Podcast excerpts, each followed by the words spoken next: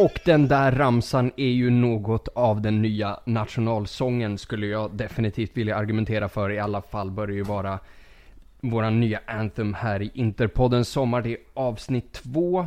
Tillbaka efter ett antal veckors tystnad och också tillbaka då från underjorden och med det menar jag då Malmö. Binan Alatar. Ja, fan det var ett tag sedan. Verkligen. Eh, vi har en... om, vi ändå, om vi ändå bara tar den här snabbt, eh, den här sången, eller vad man ska yeah. säga, ramsan. Jag la ju upp ett klipp där när jag sjöng den och jag har fått jävla massa skit. Jag har fått många fina ord men jag har fått jävla massa skit för att jag säger olele istället för ålele. Alltså, ja. varför det? Som att det betyder något, det är inte ett ord. Jag kan väl säga olele om jag vill. Ja, jo. Ja. Det, det, bara... bland, det är väl bland det bästa bästa jag har sett från VM är ju de iranska fansen på tunnelbanan som sjunger uh, Håle, håle, håle, håle. Som tydligen betyder handduk på persiska. Jag tyckte det var helt bri jävla briljant alltså. Mm. Och, då, fick, fan, då fick jag det ur, eh, ur mig också. Det var, det var modigt av dig. Uh, mm. Idag tänker jag att vi ska prata om de fyra nyförvärven vi har och eh, sen ska vi dedikera andra halvan av programmet här till det som på Twitter kallas för the interbanter area. Area? Era? What the fuck mm. man? Uh, och uh, då gå igenom de sämsta spelarna som vi har värvat från 2011 fram till idag och det är då liksom år, vad heter det, från att vi åker ur Champions League till att vi nu är tillbaks där. Mm. Eh, men jag tänker att vi börjar med de fyra nyförvärven. Eh, och vi skulle väl egentligen, i och med att vi har kört ramsan nu och massa sådana här grejer, så skulle vi egentligen kunna börja där. Eh, om vi säger på, på en skala mellan 1 och mindre erektion, hur glad är du? Uff, eh, alltså jag jag har funderat lite så Jag kan inte minnas när jag var så här glad för en värvning sist. Eh, och, och, det är svårt att liksom... Eh, eh, jag vet inte hur man ska säga men, men typ... Jag har tänkt och tänkt och tänkt. Alltså Icardi var man ju superglad över, den värvningen. Mm. Men det var ju fortfarande ingen etablerad spelare på det sättet. Nej, alltså visst hade han... Han hade gjort kaos med Juventus i Sampdoria och det räcker ju för mig. Jo, jo. Eh, men eh, det var ju fortfarande inte den här liksom profilvärvningen. Eh, orimligt glad var jag också över eh, Vidic. Eh, för mm. att alltid tyckte om honom så extra mycket. Eh, och sen så gick det som det gick. Men Nangolan har man ändå så här, alltså det, är ju, det har ju varit fem långa år där man har velat ha Nangolan. Varje jävla sommar. Ja, jag kommer ihåg det där specifikt. Det är kul att du nämner båda de grejerna, för jag kommer ihåg en annan podcast som vi gjorde på en annan interplattform som var ganska bra då. Mm. Så, så sa jag i den podden när han var i Cagliari och mm. var på väg till Roma. När Cagliari krävde 17 mille för honom. Och jag mm. sa det här måste vi dega upp för. Jag fick ganska solidt mothugg där och fick förklarat för mig att Hernanes var det klart bättre valet. Eh. Och det, det, det roliga med att du nämner Vidic där är att jag har ju haft, nu med Nangolan är ju den fjärde, men jag har haft totalt fyra spelare som jag, som jag har sagt i åratal att den här killen måste vi ta. Mm. Och en av dem är ju också Nemanja Vidic, Ever Banega och Antonio Casano. Och det känns ju inte så jävla bra sett till att de tre bara har klarat ett år. Ja, alltså det, det är ju så här att Samtidigt, för man, man får ju dem såklart, man får ju, de, de eh, påminns man om liksom mentalt att Lugna ner dig, få inte upp förväntningar för mycket. Det har gått åt helvete med profilvärvningar sen, eh, alltså tidigare. Men Man vet ju samtidigt detta är fucking Nangolan. Det är ett monster, alltså det är, det är en, det är, Alltså det är nog få spelare i världen som, som man kan säga med all säkerhet kommer leverera. Alltså det, någonting måste till. Han måste bryta sitt ben eller liksom eh, eh, hamna i något psykiskt tillstånd där han inte pallar med fotbollen längre. Eh, blir en, eh, vad heter han? Portugisen. Börjar med musik. Eh. Nej, du menar eh, Dani Osvaldo? Ja, är inte han portugis? Uh, argentinare. Brasse. Argentinare. Ja, samma. Italo-argentinare. Ja, och, och liksom, alltså det är något sånt som behöver ske.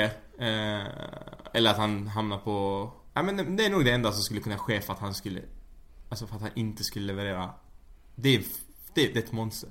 Ja, det är det. Alltså, om vi säger, vi kommer prata lite grann här om, om Nangolans bakgrund och så här, men en av de grejerna som, som har varit lite av en konflikt under de senaste veckorna för mig är ju att det är ju en, en ganska stor medial situation som uppstod runt eh, Radja Nainggolan under hans tid i Cagliari där, där han pucklade på, pucklade på sin fru ganska ordentligt.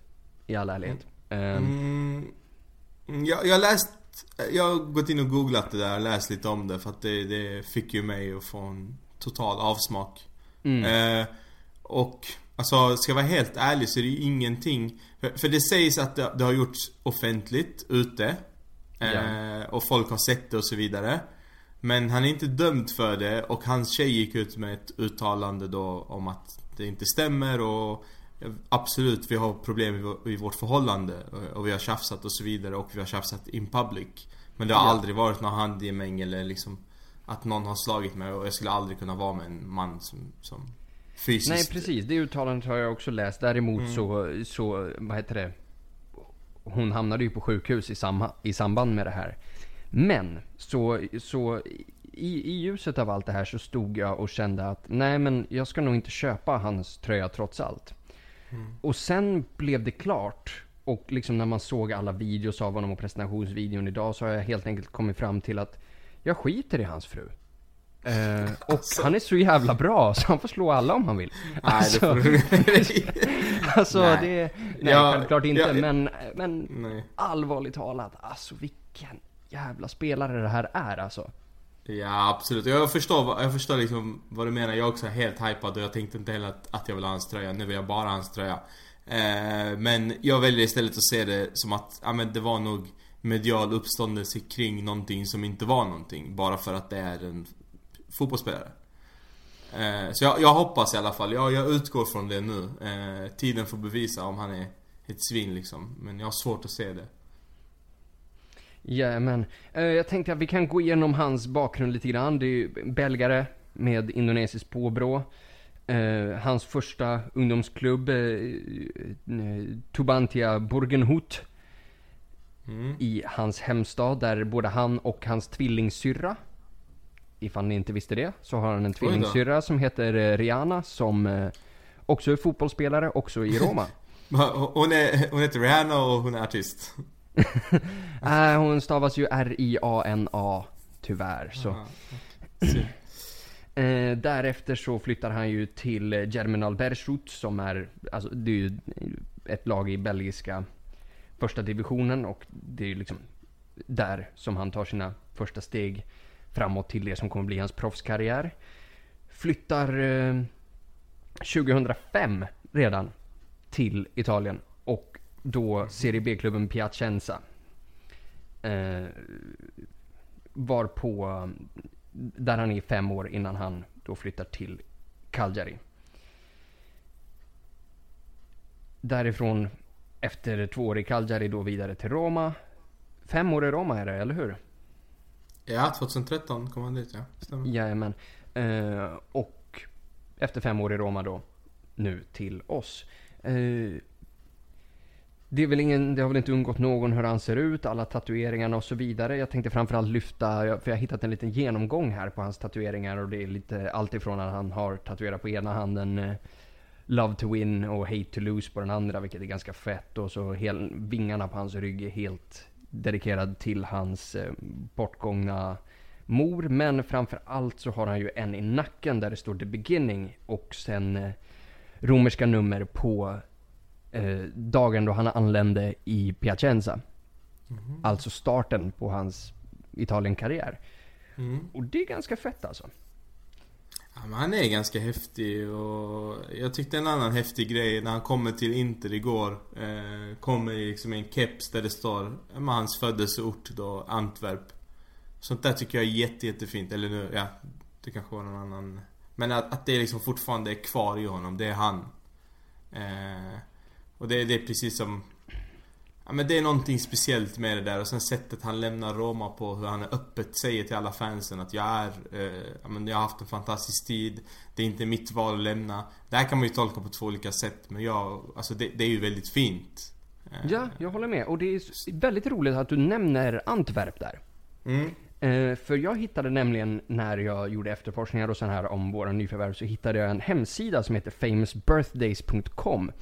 Och mm. de har en jävligt cool rankinggrej. Eh, baserat på vem som är mest känd baserat på sin hemstad. Och mm. då kan jag, när vi då talar om Radja Nangolan och Antwerp, så kan jag då informera att enligt famousbirthdays.com så är mm. Radja Nainggolan den åttonde mest kända personen från Antwerp i Belgien. Okay. Eh, den första är då Romelu Lukaku.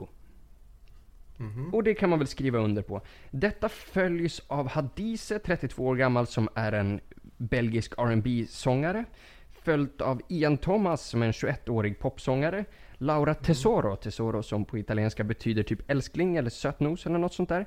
21 som mm. också är en popsångare. Nummer fem, Vivian Hultén som inte har någon koppling till Antwerpen överhuvudtaget utan är, eh, var en svensk konståkerska på 30-talet.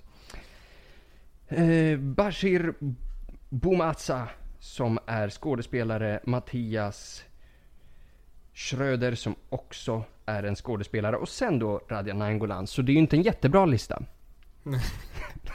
Men likväl. uh, vad är det man säger om uh, smygrasism?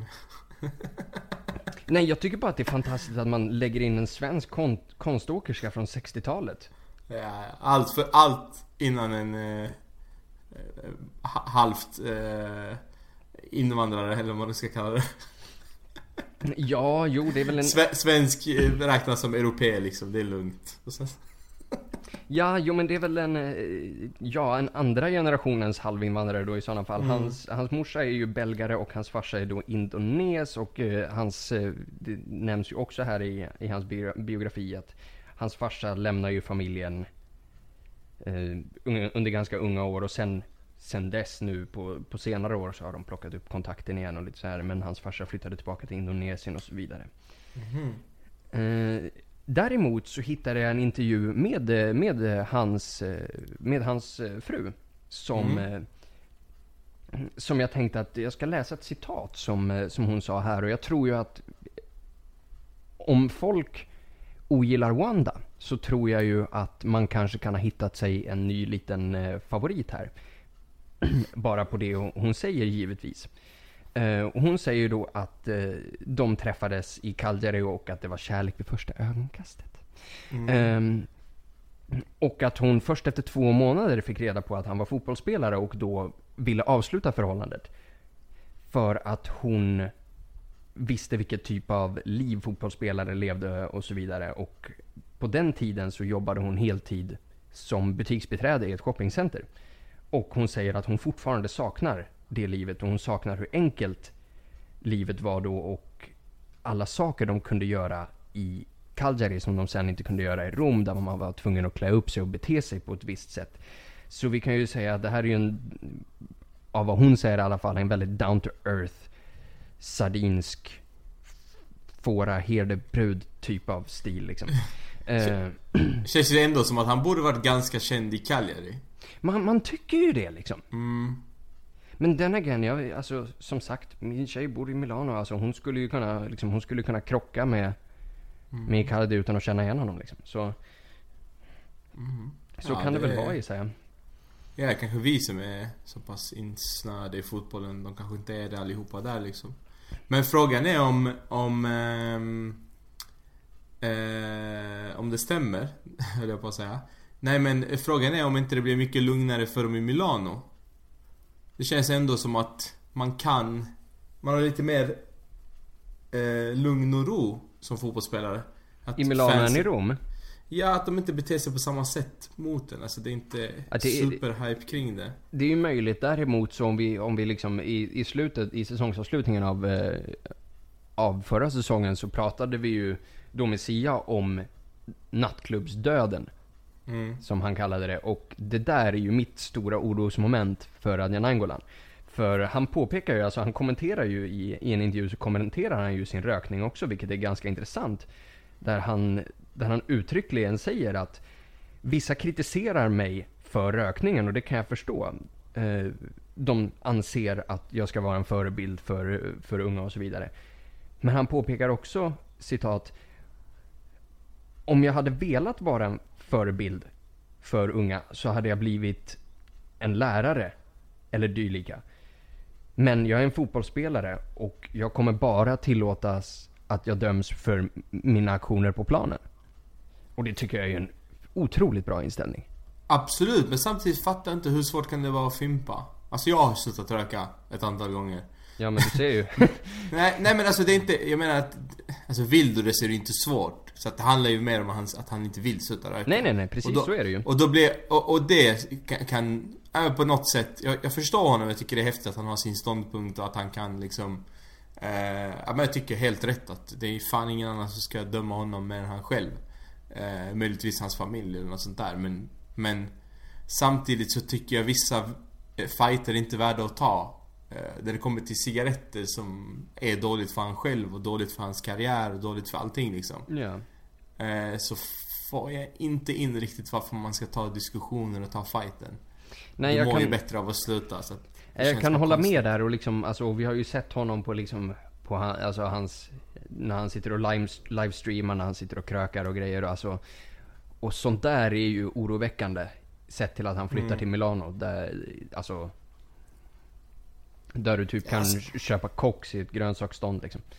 Ja, men jag tror inte det är så mycket svårare i Rom liksom. Men Säkert inte. Jag tror...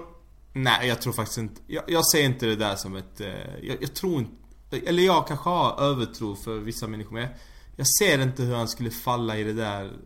Han är oxe. Som mig. Eh, wow, fick vi, fick vi en, fick, fick vi en astrologi Nej men typ här att... in nu i, i Nej men vi är envisa. Men vi är envisa i att eh, göra saker men vi fastnar inte i saker. Är du med? Så att jag förstår när han säger att, att typ... Eh, nej men, jag förstår när han säger att, att han... Eh, alltså han kan göra det där och fortfarande prestera på topp för han gör det i, liksom... Han har koll på sina gränser hela tiden. Så jag tror att även det här med att han rökte i, jag på Instagram, det är idiotiskt. Men det påverkar inte hans spel. Det påverkar inte liksom han som, som fotbollsspelare. Han fick kanske någon avstängning och sånt men det är inte han. Alltså det är ju mer för de dömer honom. Är du med på hur jag menar? Precis. Och så förlorade Roma mot Atalanta. Bara där ja, också. och det... Precis. Och det är ju för att han inte fick spela. Mm. Så att alltså... Han, han behöver nog en... Eh, jag tror Spalletti och han... Eh, en sån typ av, av spelare. Eh, det handlar jättemycket om ledarskapet. Du kan ja. få ut maximalt av honom med rätt ledarskap. Ja, och jag tror även att liksom... Nangola, han fyllde ju 30 här för ett par veckor sedan. alltså, mm. det här är ju den största klubben i hans karriär och folk kan prata om att ja, Roma är en stor och anrik klubb med lång historia och ja, och inte ett jävla skit i sitt namn. Alltså, ja, nej, så det här, är, det, här är en, det här är alltså det här är en provinsklubb som maskerar sig som något annat. Alltså titta på Lazio. Lazio har döpt sig själva efter regionen. De har fattat, vi är ett provinslag. Roma har inte hajat det. Um, så det här är ju liksom Naingolans sist, enda och sista chans i sin karriär. På faktiskt ta titlar. Och om det är någonting han bryr sig om, det, det vet vi ju inte. Men om det är någonting han bryr sig om då är det ju definitivt läge att shapea upp sig ordentligt. För den här chansen kommer inte igen. Ja, alltså jag tror så här. Han, han kommer ha några veckor nu eh, där han mår lite psykiskt dåligt och kanske inte riktigt vet var han, eller vad han har hamnat i eller vad man ska säga. Eh, det är ganska tydligt att han inte ville lämna Roma, vilket jag förstår. Eh, jag respekterar och tycker, tycker det är fint. Eh, men alltså den kärleken han fick förväntade han sig inte. Den presentationen förväntade han sig inte. Och när han märker det sen på matcherna att han är faktiskt en av favoriterna. Då kommer han nog ganska snabbt ändra och liksom bli interista. Precis som Rafinha blev. Det, det tror jag också. Jag är helt, helt ändå, övertygad vi, om. Alltså så här 70 000 pers som jublar dig. Yeah. Alltså... Vi snackar Rafinha som kom från Barcelona. Det ska, det ska inte underskattas alltså. Nej. Han nej, kom från... inte. Nej, han kom från en av... Om inte världens liksom mest framgång, framgångsrika klubb. En av världens mest framgångsrika klubbar. Eh, med fanskara verkligen i hela världen och i, i mängder. Eh, och blev kär när han var fem månader i Inter. Eh, Mm. Så vi, vi, har, vi har en attraktionskraft eh, när du väl är i Inter som är svår att, att motstå om du är bra på planen. För vi har också sett bevis på exakt tvärtom när det kommer till ja, de här pissspelarna som Joao Mario, eh, Kondogbia Precis, och alla de här vi förmodligen kommer att diskutera. Jajamän, vi kommer, vi kommer gräva oss djupt ner i pisset. Mm. Att, Eh, eh, vi behövde en ny idol, eh, vi har fått en ny idol. Vi har fått en idol som kommer glänsa tillsammans med vår andra idol. ja, eh, Icardi, och våran andra idol har ju precis nu under inspelningen här har han ju eh, lagt ut sin, eh, sitt välkomnande till Nainggolan på Instagram där. Och där han skriver att vi brukade slåss mot varandra och nu ska vi slåss tillsammans liksom. Välkommen. Fabene. Nej, det är helt underbart. Ja, ja, helt ja underbart. det, alltså jag, det, jag är så jävla taggad nu alltså. Jag har typ glömt VM alltså. Det, jag är bara så, åh, infernalisk inför, inför nästa säsong. Eh, Jag tänker vi ska släppa Nangolan med en eh, sista fråga där till dig. Vet du vad namnet Raja betyder på indonesiska? Olele, olala, Rajanangolan, Rajanangolan. Eller jaha, jag skulle svara på frågan. Ehm, ja, alltså jag har sjungit den, eller någon. He- Heter det sjungit? Sjungit. I alla fall. Eh, vad betyder Raja på indonesiska? Nej, ingen aning. Det betyder kung. Oj. Alltså, blir det bättre eller? Åh jävlar. Ja. Raja. Shit. Jag jag kommer inte sluta sjunga nu, kan jag lova. Nej, alltså det, den här, alltså sen, eh, sen ett par dagar sen, alltså jag, jag går och tänker på honom hela tiden. Alltså jag vet inte, varje kvart så bara, ah, Nainggolan. Alltså det är som att vara, det var som, det är som att vara kär när man var typ 14 liksom. Men alltså... Vad... Den här ramsan, är det någonting som inte fans har kommit på eller har den funnits? Det vågar jag faktiskt inte svara på. Det kan vi ju kolla upp till nästa avsnitt och kanske återkomma med, med ett svar där. Ja, för den är intressant att den är jävligt bra kan jag tycka. Ja, det, jättesofistikerad är den ju inte, men den, den fyller ju sitt syfte skulle man kunna säga. Den hypar ju upp en. Jo, jo tack. Eh, man, alltså, man har ju fan puls från att man vaknar till att man går och lägger sig liksom. Uh, yes. Jag tänker om vi går in på nästa nyförvärv som då är Stefan de Frey. Uh, gratis invärvad från Lazio på fri transfer, född den 5 februari 1992. Uh, eh, han är född på ett, ett väldigt, väldigt eh, speciellt ställe i Holland som är eh, hela fyra ord. Så istället för att jag ska försöka uttala det här, det här holländska ortsnamnet så har jag istället anställt en holländare här som kommer läsa upp det för er faktiskt. Som vi har en liten inspelning på. Så Stefan de Vrij är alltså född i... Eh, Ouderkerk aan den IJssel. Jajamän, så heter ju det. Eh, det helt, helt oförståeligt. Eh, och då skulle vi faktiskt kunna koppla tillbaks till den här famousbirthdays.com. Eh, där vi kan prata om vem är då den mest kända personen någonsin att komma ifrån. Eh, och då kan vi konstatera att det är bara Stefan de Vrij, för det är en ort med totalt 6000 invånare. Eh, Eh, så var på att eh, han har då spelat sin ungdomskarriär i deras lokala lag som är VV Spirit, eh, vidare då till Feyenoord som akademispelare och därifrån till Lazio. Och om man tittar på honom i samband med med resten av de här som vi har tagit in då i, i Nainggolan, i Asamoah och och likväl som Defray. Det här är ju en renodlad krigsförklaring och två långfingrar till varenda konkurrent som vi har. Mm. Alltså vi har tagit Joves bästa ytterback, Lazios bästa mittback och Romas bästa mittfältare. Det, alltså, ja. Det är det som är lite skrämmande. För att det känns ju lite för bra för att vara sant. Är, är du med på hur jag menar? Det känns som att de har gjort upp någon pakt och så sitter de och skrattar.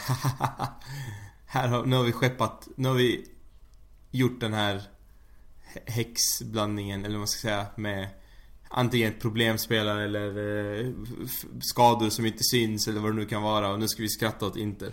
För att jag menar, varför skulle man släppa alla de, men de här stjärnorna till oss? Ja, nej men alltså det, det är... Är vi så grymma? Alltså är är- Ausilio så Ausilio grym? är fan så grym alltså. Och vi har ju, vi har ju pissat hejdlöst på Ausilio i den här podden. Alltså framför allt under, under, eh, under de här månaderna när det gick riktigt dåligt och, och eh, bredden i truppen verkligen lyste med sin frånvaro.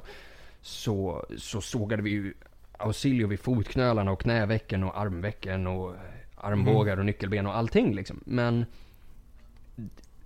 och Nine, alltså de här fritransfergrejerna, de är ju otroliga. Men Nainggolan-affären är ju, är ju briljant. Alltså du får, Ja, du det får Davide Santon värderad till 9,5 mille. Så vi tar in Nainggolan, Mm. skeppar, en, skeppar ungdomsspelaren Nicolo Saniolo tillsammans med Davide Santon och går plus i böckerna. Alltså fatta den! Mm. Absolut. Det är sjukt alltså. Ja, det- Och Och De Frey är nog ännu sjukare på free transfer med tanke på hans eh, ålder och, och liksom Vi snackar, jag satt och kollade på någon Serie A-krönika eh, hemma hos morsan i helgen eh, Och då var han ju med i omgång, eller vad säger säsongens lag i Serie A eh, Det var han och Skriniar som mittbackspar i säsongens lag mm, och alltså det är ja, nästan för bra för att vara sant. Och vi pratar Premier League-klubbar, alltså Arsenal var ju tal om, det var nästan färdigt liksom. Eh, och alltså jämför det med, ja men man måste ändå förstå att Premier League är lockande för många spelare. Eh, både lönemässigt, eh, karriärsteg i, i när det kommer till, alltså att bli känd eller att synas, att, att vara ett skyltfönster för ännu större klubbar om det nu skulle vara så. Eh, Så att det, det är de vi slåss med och vi får honom på free transfer. Från en rival som vi, ja men senast för en och en halv månad sedan slogs med om samma spot i ligan.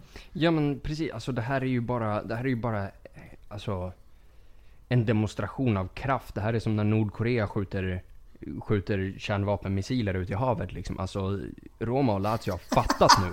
Det är fan över. Alltså ni hade eran lucka där när, när Financial Fair Play kom in, vi gick ner och så tvingades köpa Kuzmanovic och grejer. Nu är det slut. Nu är vi tillbaks här. Så eran tid är över. Och kolla på Roma, alltså den här sportchefen som de hypade upp så jävla hårt. Alltså, du har kränkt Nainggolan, du har fått Santon och du har ersatt Nainggolan med Brian Cristante från Atalanta för en större peng än du fick för Nainggolan. Det är ju bisarrt alltså. Ja, det är vissa grejer som, som eh, väcker en, eh, alltså Det är vissa saker som gör att man blir lite skeptisk och det är ju bland annat att, alltså man vet om att Monchi är en väldigt duktig sportchef eh, Och man vet om att Alltså man tänker så här, så här dum kan du inte vara. Det finns ju saker, för hans förklaring till försäljningen av Nangolan eh, Läste jag idag var, ja jag förstår om vissa förstår att vi sålde honom och jag förstår om vissa inte förstår. Men vi fick ett bud på Nangolan och vi kände att, ja men Han är inte värd mer, vi säljer honom. Man bara alltså va? Ja. Det Det känns ologiskt, är du med? Alltså det, det blir så här. Någonting ruttet har ju skett, men vad är det som har skett? Ja, alltså gud vet. Men Han har ju inte de du får, bollarna. Du, du, får, du får Santon. Alltså det finns ingen men alltså- förklaring till hur, du, hur, hur det är acceptabelt. Alltså jag tror ju att budet från oss var 25 kanske. Mm. Alltså att det är budet och sen så bara, nej men vi vill ha 30. Okej, men om ni vill ha 30 Då får ni 24 och sen får ni en, eh, ett framtida löfte då som har gjort det väldigt bra faktiskt, eh, Saniolo. Och sen får ni Santon också, men då måste vi skriva upp hans värde. Mm. För att då blir det försvarbart för oss och vi ser en vinning i det. Så jag tror inte att vi har köpt, vi skulle aldrig köpt honom för 38 liksom. Nej, nej, nej, det hade vi inte gjort. Absolut inte. För, för det, det är liksom, det är... Inte med, i den situationen vi är i nu. Men en sak som jag tycker, eh, jag vet att vi borde släppa Nangolan men en sak jag måste, som jag inte får in i mitt huvud riktigt. Mhm. Eh, det är så här, vi har inte gjort The Fry officiell på grund av att det inte är första juli än. Vi har inte gjort, eh, San, eh, vad säger jag? Eh, Asamoah, Martinez, alla, de- ingen av dem offi- officiella eh, på grund av FFP. Varför och hur kan vi gå ut med Nainggolan officiell när det ändå handlar om 24 miljoner emellan? Ja, som sagt, det där Men handlar ju om bara om menar- när du, när du daterar. Ja, men den här dateras ju till innan verkar det som. Nej, nej, För annars nej hade man ju- nödvändigtvis. Det beror ju på när du betalar Roma. Betalar du Roma den 2 juli så är det ju lugnt liksom. Jo men då skulle man ju kunna applicera det på, på alla de här andra värvningarna också. Absolut, men de, som sagt, de kommer vi ju gå ut med liksom. Det, det är ingen Jo, stress. jag, jag förstår. Ja, ja, alltså Det nej. semestertider, Det liksom. handlar inte om... Jo, men alltså det är ju... Jag tror inte att det är förklaringen. Utan det måste ju finnas någon förklaring till att man väntar till första juli med dem. Men den här ska in innan. Ja, men jag, jag det- tror inte de här kommer aha, signa... det är jag kom- capital gains. Jag, tror- Det måste vara capital gains på Santon och Zaniolo. Precis. Att man vill få in dem innan 30 juni. Exakt. Och mellanskillnad, aha okej men då kanske man kör ett lån i sex månader till exempel. något sånt. Mm, okej. Nej men som sagt alltså, jag tror resten kommer ju presenteras i samband med, eh, i samband med försäsongen. Det är ju ingen mening med liksom att, att flyga in stackars Lautaro Martinez nu två dagar och sen skicka hem honom igen. Och så kom tillbaka om, en, Ja. om två veckor. Nej men det är inte, alltså det handlar ju om, om FFP garanterat. Precis. För de där, de där har inga, inga spelare involverade emellan, det är därför. Så vi kan inte göra någon... Det är bara rena köp liksom. Jajamän, och en sista kul fakta här då om Stefan de Vrij är att i Sverige så finns det faktiskt en Stefan de Vrij som bor i Halmstad och idag är 50 år gammal. Aha, okej men han måste ju vara interista. Det, han blir väl det nu, om inte annat. Tänk så hette han något annat innan och så bytte han till Stefan de Vrij för han älskar honom i Lazio. Det, det är tråkigt. Det hade varit tråkigt. Eh, han bor på Pålsbovägen i Halmstad, ifall någon vill gå dit och sjunga lite ramsor. Eh, vilket vi absolut inte Välkomna. rekommenderar. för, of, for legal reasons. Ehm, våran nästa värvning där då, eh, Lautaro Martinez. Mm. Eh, Eh, för mig, en YouTube-spelare, vet inte mer än eh, det du har berättat liksom. Och, Ja, eh, nej men självklart. precis. Jag satt ju en Ja. hel del under, under förra säsongen och kollade cirka 7-8 matcher som han spelade. Eh, Mm. Och jag kan ju sitta här och säga att han är si och så och han är si och så och han är bäst i världen. Men jag tänker att siffrorna kan ju få tala för sig själv. Att, observera att det här är ju en 20-årig spelare. Han är 20 bast. Mm. Eh, han har stått för 13 mål på 21 matcher i argentinska ligan och 5 mål på 6 match, matcher i Copa Libertadores. Det är ju ganska, det- alltså Ja, Det är fina siffror. Det är otroliga siffror. siffror. Och som sagt, om det, jag, jag inråder ju att när ni tröttnar på att sjunga Olele Olala så kan ni ju ta och googla, bara googla Lautaro Martinez och kolla artiklarna som kommer upp och du, ni kommer hitta nästintill varenda jävla sportsajt som påpekar att det här är inte bara en spelare som förväntas bli bra. Det här förväntas att bli en absolut toppspelare.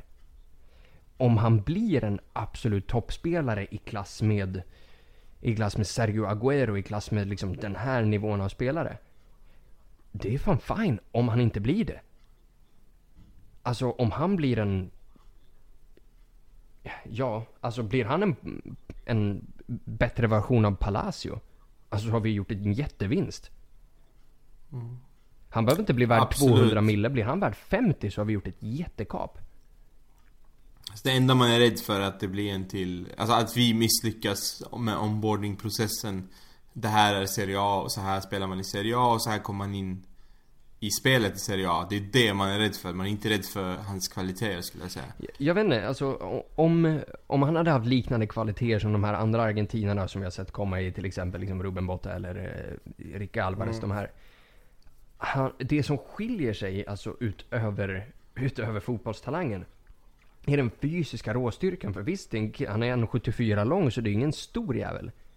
Men alltså det är breda, hårda jävla axlar. Alltså det här är en... Tänk er Dybala fast... Fast mycket, mycket buffligare. Så det här... Ja, alltså jag har ju, jag har ju kollat på, alltså jag har ju, jag gillar ju inte att kolla YouTube men jag har ju gjort det. Jag, jag tror vi har pratat om det tidigare också. Eh, och jag gjorde det senast idag när jag skulle förklara till en eh, kollega vem Lautaro eh, är. Och, och alltså, det är svårt att blunda för att det är annorlunda. Det är inte de YouTube-videosen som var på Gabigol liksom. Att han drog två spelare på mittplan och sen så blev det ingenting Nej. av det. Utan vi pratar en spelare som drar tre och gör mål. Alltså varje gång. Eh, självklart det är det enda de tar med där men Men alltså att, att det någonting utöver det vanliga i alla fall dribblingsväg. Eh, och, och, och självklart så är det Alltså inte ens i närheten av samma taktiska tänk eh, Hos försvararna i argentinska Nej, ligan det- Men det är inte brasilianska ligan heller. Nej, nej men och alltså... Som sagt, dribblingarna är en sak. Det är bara, det jag verkligen gillar är hans störtlöpningar in i boxen. Alltså han, det går...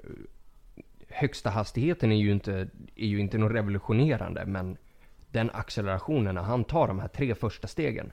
Killen bara försvinner. Och sen säger det pang. Och, och grej... Eh, och sen får man också ha med sig, alltså argentinska spelare har lättare att anpassa sig i Serie A än vad brasilianska spelare har, eh, Ja. enligt mig.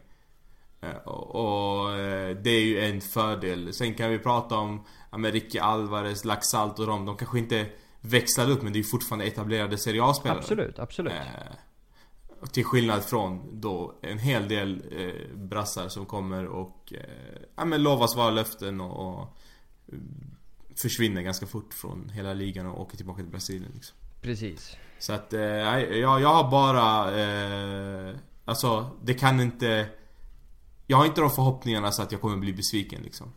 Nej, nej, nej, nej. Alltså, som sagt, jag förväntar mig inte att den här killen kommer gå raka vägen in och, och dominera ligan från dag ett.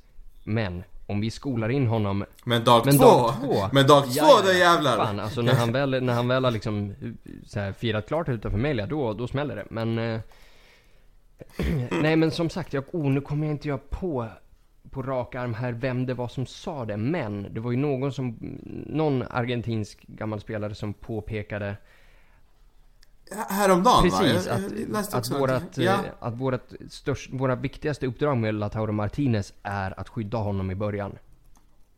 Exakt, och jag tror inte ens det var en argentinsk spelare. Kanske inte var. För jag, ett, nej, för jag tror jag reagerade på att det inte var, om det var någon brasse Det som sa det.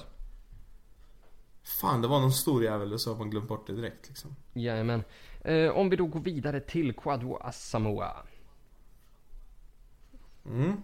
Men det är också en sån spelare man har tyckt om väldigt länge. Mm. Eller ja, tyckte om och tyckte om. Ja, Udinese- Udinese gillar man ju honom. Men Ja, ja precis. Ja, men alltså, det var ju snack redan då om att, att eh, vi var på honom. mm, jo, så var det ju. Men det blev vi Alltså, ju över, innan han gick till Juve. på. Ja. ja det var... Eh, nej, jo. Eller var det Rekoba som sa det? Ja, det är mycket möjligt att det var. Ja, det är nog Rekoba. Uruguayaren. Yes. Eh, ja, så uh, Quadro Asamoah då eh, fyller 30 i december. Född i Kumasi i eh, Ghana. Och eh, det här, då är vi tillbaka hos Famous Birthdays här igen. Gud vad spännande. Eh, och eh, här kommer de riktigt sjuka jävla grejerna. För Quadro Asamoah är den sjunde mest kända personen från Kumasi. Eh, leder som mest känd någonsin är Kofi Kingston. Som tydligen är en gammal eh, WWE-wrestler. Jävlar. Intressant nog så kommer nummer, nummer två efter den här wrestlern då är Kofi Annan. FNs generalsekreterare från 1997 till 2003. Wow. Eh, 2006, förlåt. Eh, efter honom Emanuel Frimpong. Eh, efter honom kommer... Gamla Arsenal-spelaren Ja, va? precis. Som spelare, spelar inte han i Allsvenskan nu eller Superettan eller något? Ja, jag höll på att säga, var inte han nere i, i eh, Ja, Eskilstuna sånt, typ. tror jag? Eh, efter honom kommer Young Daddy Lumba som är en ghaniansk rappare.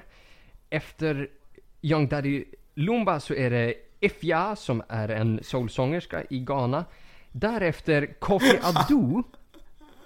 Eh, Okej. Kofi Adu.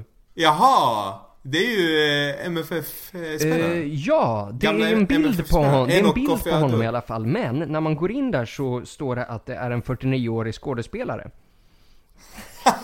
Jo, fast han bytte, när, han- när han kom till MFF så var han en 25-årig Ja. Nej men, eh, för han heter Kofi, Enoch Kofi Adu, MFF-liraren. Och han är väldigt omtyckt att spela i ghananska landslaget i alla fall. Så, så kan det ju också vara. Och därefter är det då Kwadwo Asamoah. Så det här tycker jag är en dösäker källa i alla fall. Ja, alltså jag kan ju säga så här eh, Utifrån att du har gått igenom de här tre spelarnas ranking i din birthday Mm. Eh, Så är den här sidan helt Den är värdelös. horribel. Det är Alltså, därför jag tar upp den. Den är fantastiskt jävla rolig alltså.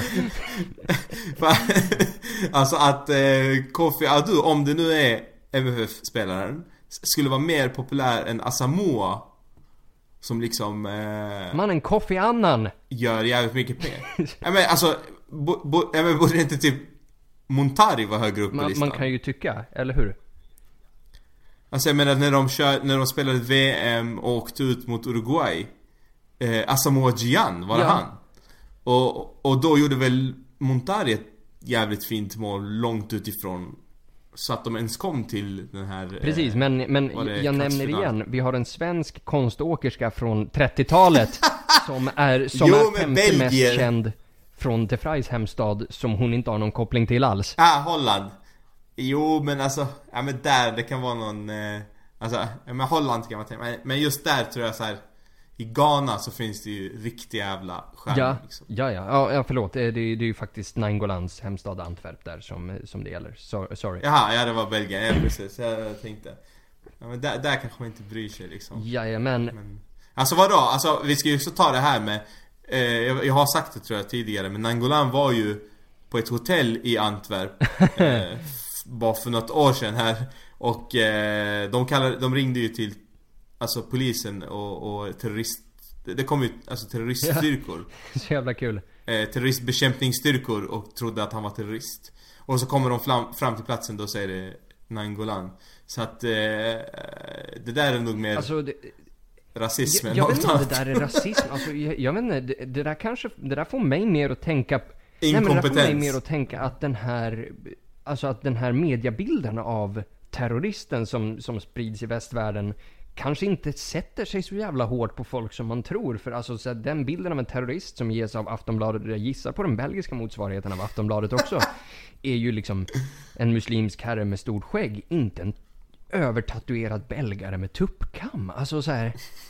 Möjligtvis, möjligtvis någon sån här knarkargangster. Med en ros på alltså, halsen. Fine, men alltså, så här, någon, Med en ros tatuerad på halsen. Alltså, han ser snäll ut. ja, ja, men, Ja okej. Men- Du förstår ja jag men det ser ju inte ut som liksom den här, så här den terroristen som, som USA vill att man ska föreställa sig honom liksom. Alltså, det, Mm. ja, det är ju underligt alltså.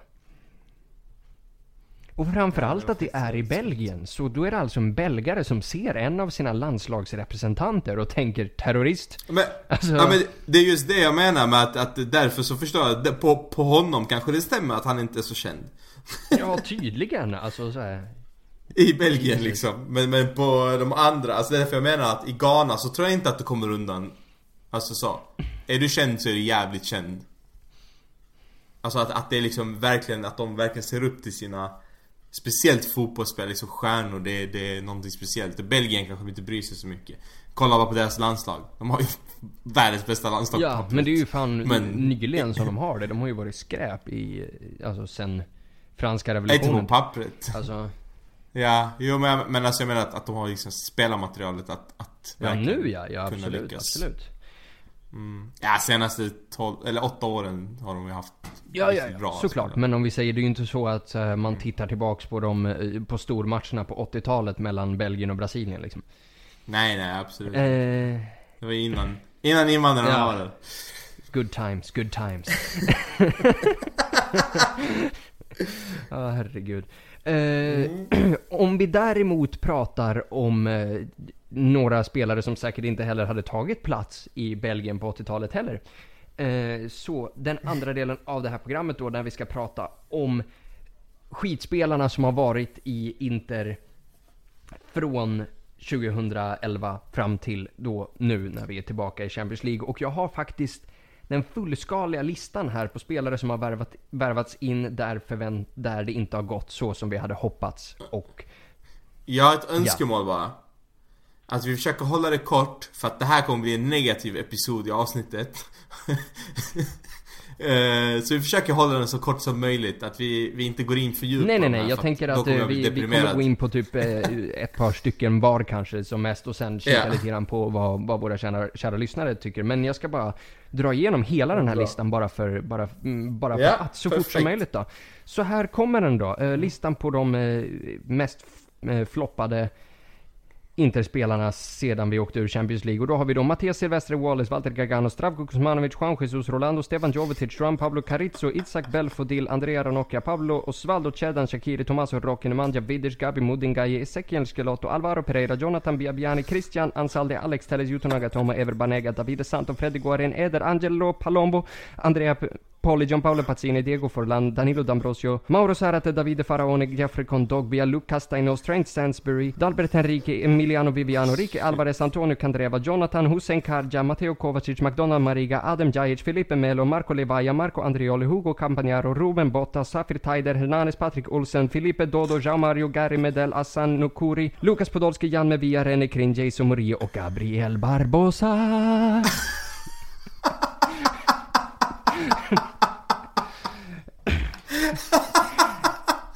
Oh my god alltså. Det, den är rätt saftig den här listan. Eh, Alltså fattar du att vi måste ha en hel del löneadministratörer på kontoret? Det måste vara krångligt. hålla koll på allt det här. Alltså vad anställer vi? Ja men vad fan är det här? Hur många har vi anställt? Detta är de floppade. Alltså det är katastrof. Alltså vad är det för jävla... Ah fy fan. Jag sa ju det, nu blir Ja, det nu negativt. blir det negativt, verkligen. Eh, och i gruppen här så har vi, alltså. vi har ju ställt frågan här när vi har börjat spela in. Och eh, det känns ju som att eh, Tony Blagojevic är ju typ först på bollen till en, så här, en knapp minut efter att jag har postat inlägget och skrivit Ezekiel Skelotto. Jag vet inte, alltså Skelotto var ju, alltså, var ju lite av en Picasso av uruselhet. Ehm, men det här målet i det derbyt, alltså han är väl förlåten på ett sätt. Alltså för mig är inte det en eh, spelare, alltså för mig är en flopp när du köper någon som du har väldigt stort förtroende för och så misslyckas. Det är en Ja, det lyfter. Lars Sandberg här En- en do- faktiskt, att sett i pris så är det ju Gabigol. Ja, alltså, alltså så, Ja, men det handlar inte heller bara om pris. Pris är oftast en stor faktor eftersom att man är övervärderad. Eh, Alltså jag skulle, jag skulle säga att Joao Mario kanske är en ännu större flopp så. Men, till exempel, alltså Vidic är ju en flopp. För att du har förväntningar på Vidic som du inte har på någon annan av de här du har nämnt. Eh, vem har vi mer? Eh, Forlan, superflopp. Ja, ja, ja. Alltså att, att sett till förväntningar Att du inte levererar. Sen Skelotto, ja men vem fan hade förväntningar på honom? Vem hade förväntningar på Kuzmanovic? Vem hade förväntningar på... Ja men Jonathan var också en flopp. Vissa trodde ju på riktigt att han var bra. Ja, han marknadsförde Alltså, är du med på jag menar? Så... Ja, alltså det där Alltså det där är tokfloppar. Men de här dåliga spelarna som, alltså Thomas Rock- Rocchi var absolut ingen flopp. Alla i hela världen visste att en 40-årig avdankad skitanfallare inte kommer vara bra i Inter. Man skojar ju om honom innan han kom. Nej men däremot, jag vill faktiskt lyfta Rocky här. Det är många som säger Rocky, Rocky bland annat Elvis eh, Arslanovic lyfter Rocky. Eh, Mikael Lipschutz lyfter också Rocky bland annat. Eh, men, alltså tre av de här... Oj, av bra. de här ja, jag tyckte också Rocky var bra. Men... Ja, han var bra. Alltså, han, han var bara gammal och trött. Men han var just, bra. alltså det snyggaste målet jag fann, ja kanske i konkurrens med Icardi's mot Milan nu senast då, men absolut topp tre snyggaste mål jag någonsin har sett på plats på San Siro är ju liksom den här, det här sop-inter mot Roma, alltså där Jonathan sätter en boll från kanten rakt in i banan på Ricky Alvarez som klackar den till Tommaso Rocchi som klackar den vidare i steget på Jonathan som smackar in den i mål. Alltså det, det är liksom, Ja. det är tre, alltså det är ju en trifecta av total värdelöshet. Som bara, Men vet du vad det är? Bonito-mål, det är helt... Men- Men vet du vad det är för någonting? Du vet flipperspel? När man trycker båda knapparna samtidigt och bara tang, tang, tang, tang. Alltså man har, man har aldrig kollat på kulan, men man bara trycker. Och så bara, någon gång så går den på alla de här ding, ding, ding och så går det bra. Det är Ja, ett sånt det är mål. möjligt att det är så. Alltså det är ren tur. Det, är, det har ingenting med skicklighet att göra. Det är, det är, eh, solen stod rätt och stjärnorna stod rätt och sådär. Så Ja. bara gick det. Eh, Belfodil nämns ju där också. Alltså, fan vad jag hade svårt för honom alltså. Med hans jävla face. Ja, alltså jag, jag vet fan, jag... Alltså jag är ju arab så det är klart att jag har någon så här vill att en arabisk spelare ska lyckas inte. Det, sen Algerier kanske inte ser sig som araber, men jag ser dem som araber i alla fall. Så, Jimmy. så att, eh, ja. Så jag, jag... Inte samma kontinent. Eh, nej men det är ju, jo men de är ju araber, du vet. Arabiskt-talande land och, och delar samma religion som resten av, eller många av arabvärlden. Skitsamma. Eh, så för honom så tyckte jag väl, eh, jag hade inte jättemycket emot honom. Jag ville att han skulle lyckas men... För det eh, jävla priset alltså. men han, alltså han, om man kollar på Belfodil hur han spelade Så ser han ju ut och rör sig som Benzema Alltså det ser lika långsamt ut men fast på Benzema så är det snabbare än vad det ser ut. Eh, Och han är starkare och han är liksom mer teknisk och mer klinisk. Eh, Så jag tyckte att han påminde om honom i, i sättet men tio gånger sämre eller kanske hundra gånger sämre. Så att, eh, nej alltså Jag vet inte fan om det var en, en tokflopp så men ja, Fel tid, Ja, verkligen och sen, fel sen tid komma snackas det ju mycket om när det kommer till honom också att liksom att fastan liksom förstörde hans karriär egentligen det året. Jag, jag köper inte det där för shit. Alltså så här, Nej, nej, nej, kolla på hur många, hur många otroliga muslimska spelare som fastar. Alltså fucking Salah. Alltså Ja, så här, det det, så Alltså- är du bra så spelar ju inte det där någon jävla roll alls liksom.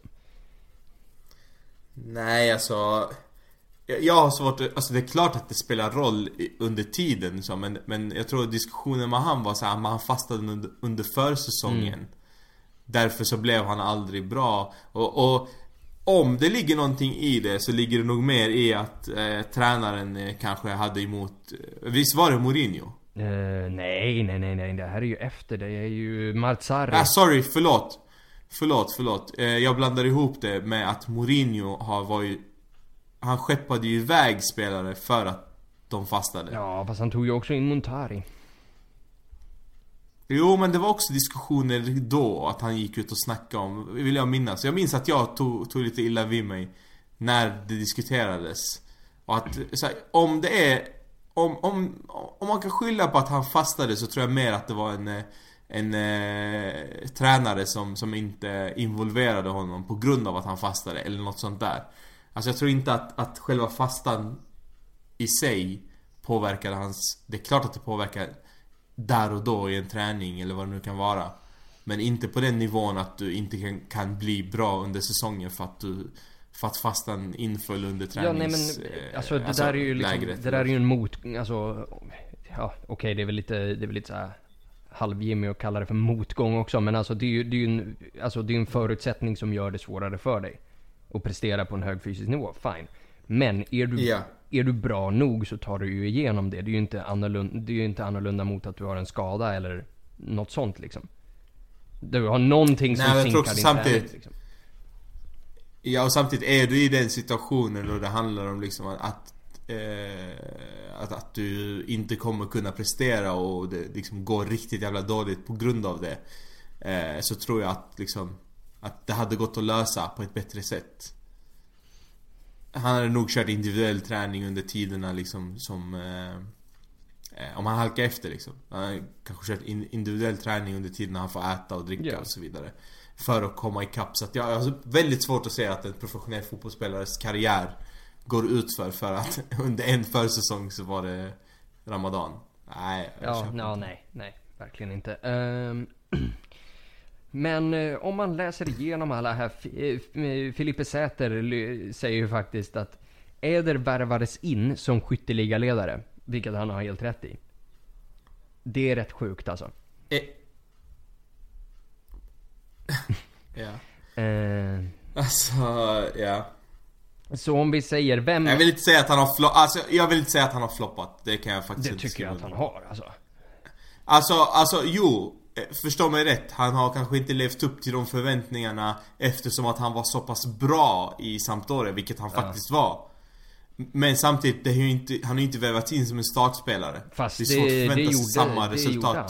Alltså han värvades in som startspelare under Mancini. Alltså har jag, har jag tryckt Har jag tryckt ner det liksom så långt att jag inte ens kan minnas att det har varit en startspelare? Jo då, han värvades som startspelare där är ju innan vi har Kandreva.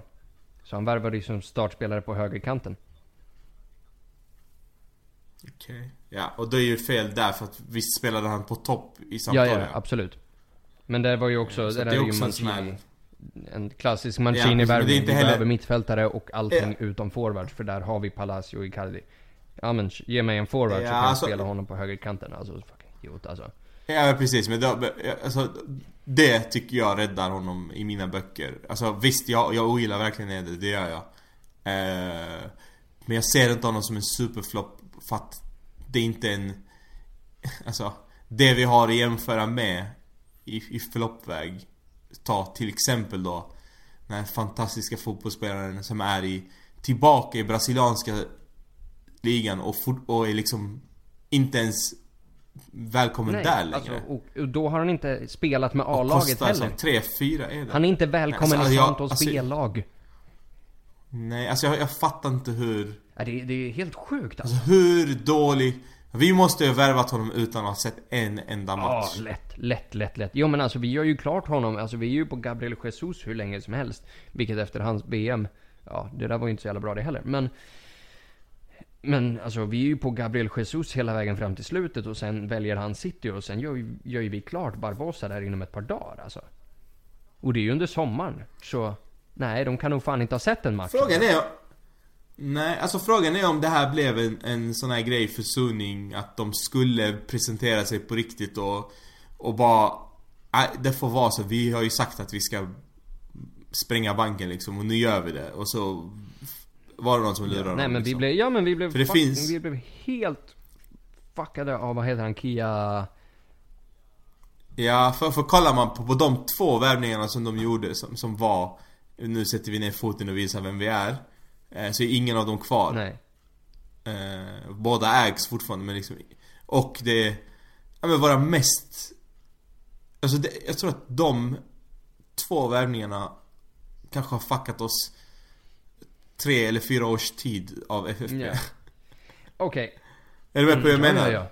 Alltså att, alltså kostnaden på de två Och nu, vi, tack vare att vi inte har gjort oss av med dem så har vi inte känt av det än Men eh, Mm. Ja, det kommer inte vara lätt Eh, Okej, om du ska välja en av eh, de här Banter-era spelarna som du ändå liksom var rätt... Som du ändå liksom fortfarande har någon öm punkt för, om den fortfarande finns. En sån. Eh, Så en som du kanske gillade och den du absolut ogillade mest.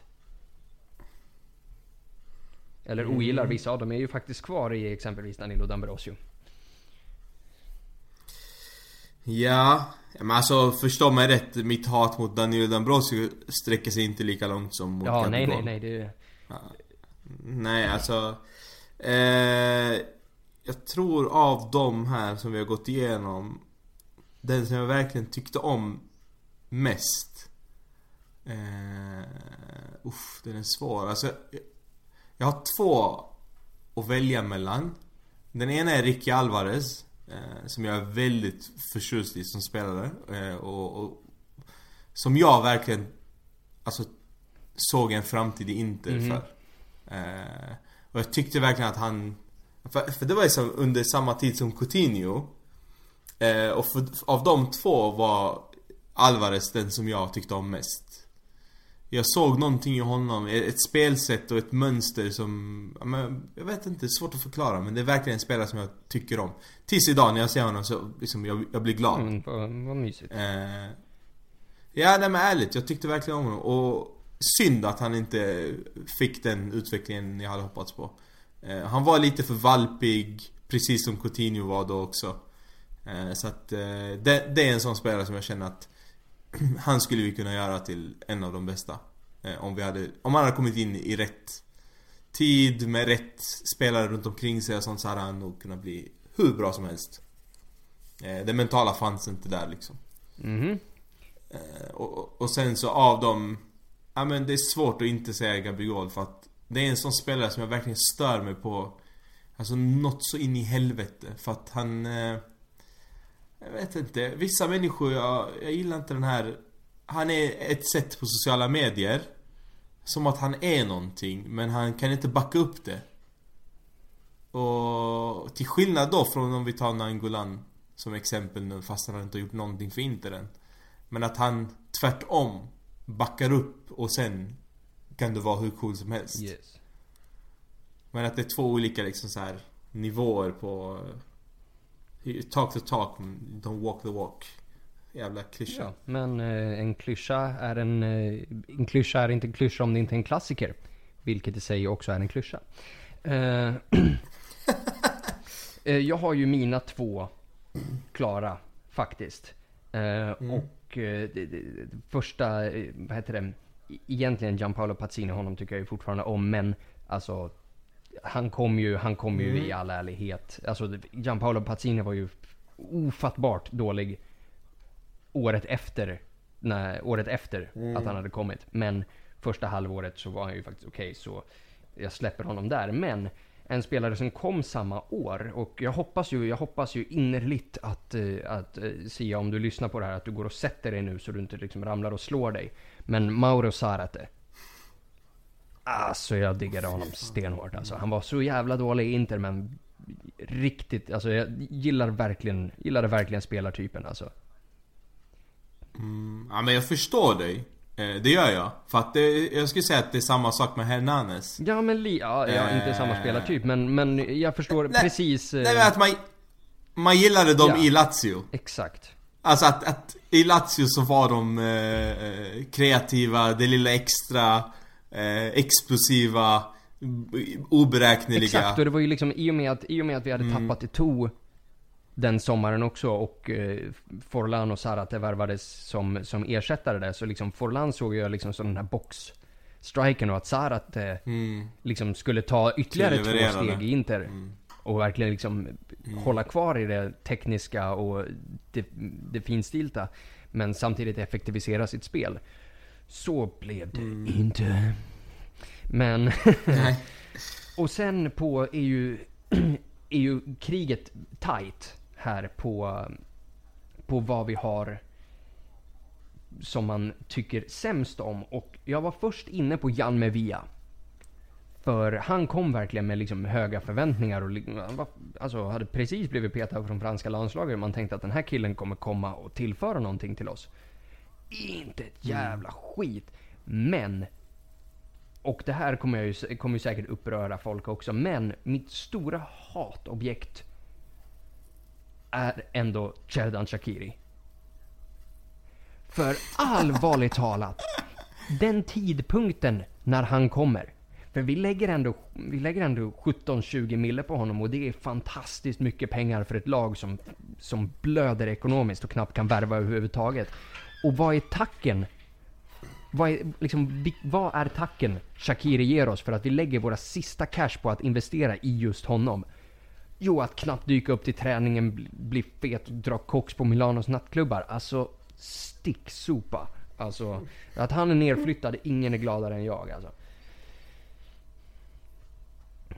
Ja, ja jag förstår det faktiskt. Eh, men... Eh, Ja, jo. Det, men någonting händer ju där, det är vi säkra på alltså. Det kan, kommer inte att lämna efter ett halvår liksom. Men eh, jag förstår absolut att man blir fett besviken för att det var ju ändå så här vi värvade från Bayern München eh, En spelare som hade visat väldigt bra i Bayern München eh, de matcherna han fick spela. Eh, hade visat bra under, bara under EM Mm. där. Ja, och, och liksom, eh, han har explosivitet, precis som han gör nu under. VM.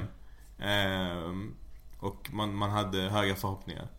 Men för mig, alltså de här som har varit i ett halvår, jag har aldrig sett dem som riktiga värvningar. Alltså jag har inte blivit... Jag vet inte hur jag ska förklara. Eh, jag tar inte dem på allvar typ. Jag vet inte. Ja men typ Janne Mvia. Alltså jag har knappt något minne av att han har spelat in. Nej men det är ju för att han knappt har att- spelat Inter. Ja men precis, för jag minns att vi, alltså vi, att vi skulle värva honom och så hände det inte och sen så typ så här, sommaren efter eller vintern efter så här, Mm. värvade vi honom. Eh, och sen så gjorde han Alltså knappt något inhopp, någon minut, någon försäsongsmatch och sen bara Alltså det, han syntes aldrig. Eh, inte ens på bilder liksom, han fanns bara i skuggan någonstans. Och sen bara försvann han helt tyst, ingen visste, ingen hörde. Sådana spelare har aldrig Alltså jag har aldrig stört mig på dem för att de finns inte. Ja, Alltså för mig är Mariga också sådär ganska anonym. Jo, jo. Sant. Eh, Om vi avslutar då med, Eh. eh, med Mm. nu när vi har fått in eh, Nainggolan här. Vad, vad är nästa steg? Om, eh, om du hade fått sätta dig i Ausilios skor. Ja, eh, Alltså allt handlar ju om vad vi förväntar oss att spela för uppställning och jag orkar inte gå in på de här eh, siffrorna med 3-5-2 och, och 3-4-1-2 och allt vad det nu kan vara. Men ska vi spela 3-5-2, ja men då behöver vi faktiskt mittbackar eh, också. Jag ser inte Dambrosio som ett värdigt alternativ. tycker jag. Eh, om, om, Ja men ja, ja, absolut. Du kan tycka. Jag tycker inte. Alltså, jag, nej men jag tycker inte att han eh, håller eh, som mittback. Eh, och, eh, alltså rent mentalt. Om vi ska prata att vi ska spela den här anfallsfotbollen. Där du måste verkligen som mittback vara ett djur. Och äta upp din motståndare när han kommer. Alltså att det verkligen ska smälla. För det ser jag verkligen i De Vrij, Skriniar och Miranda.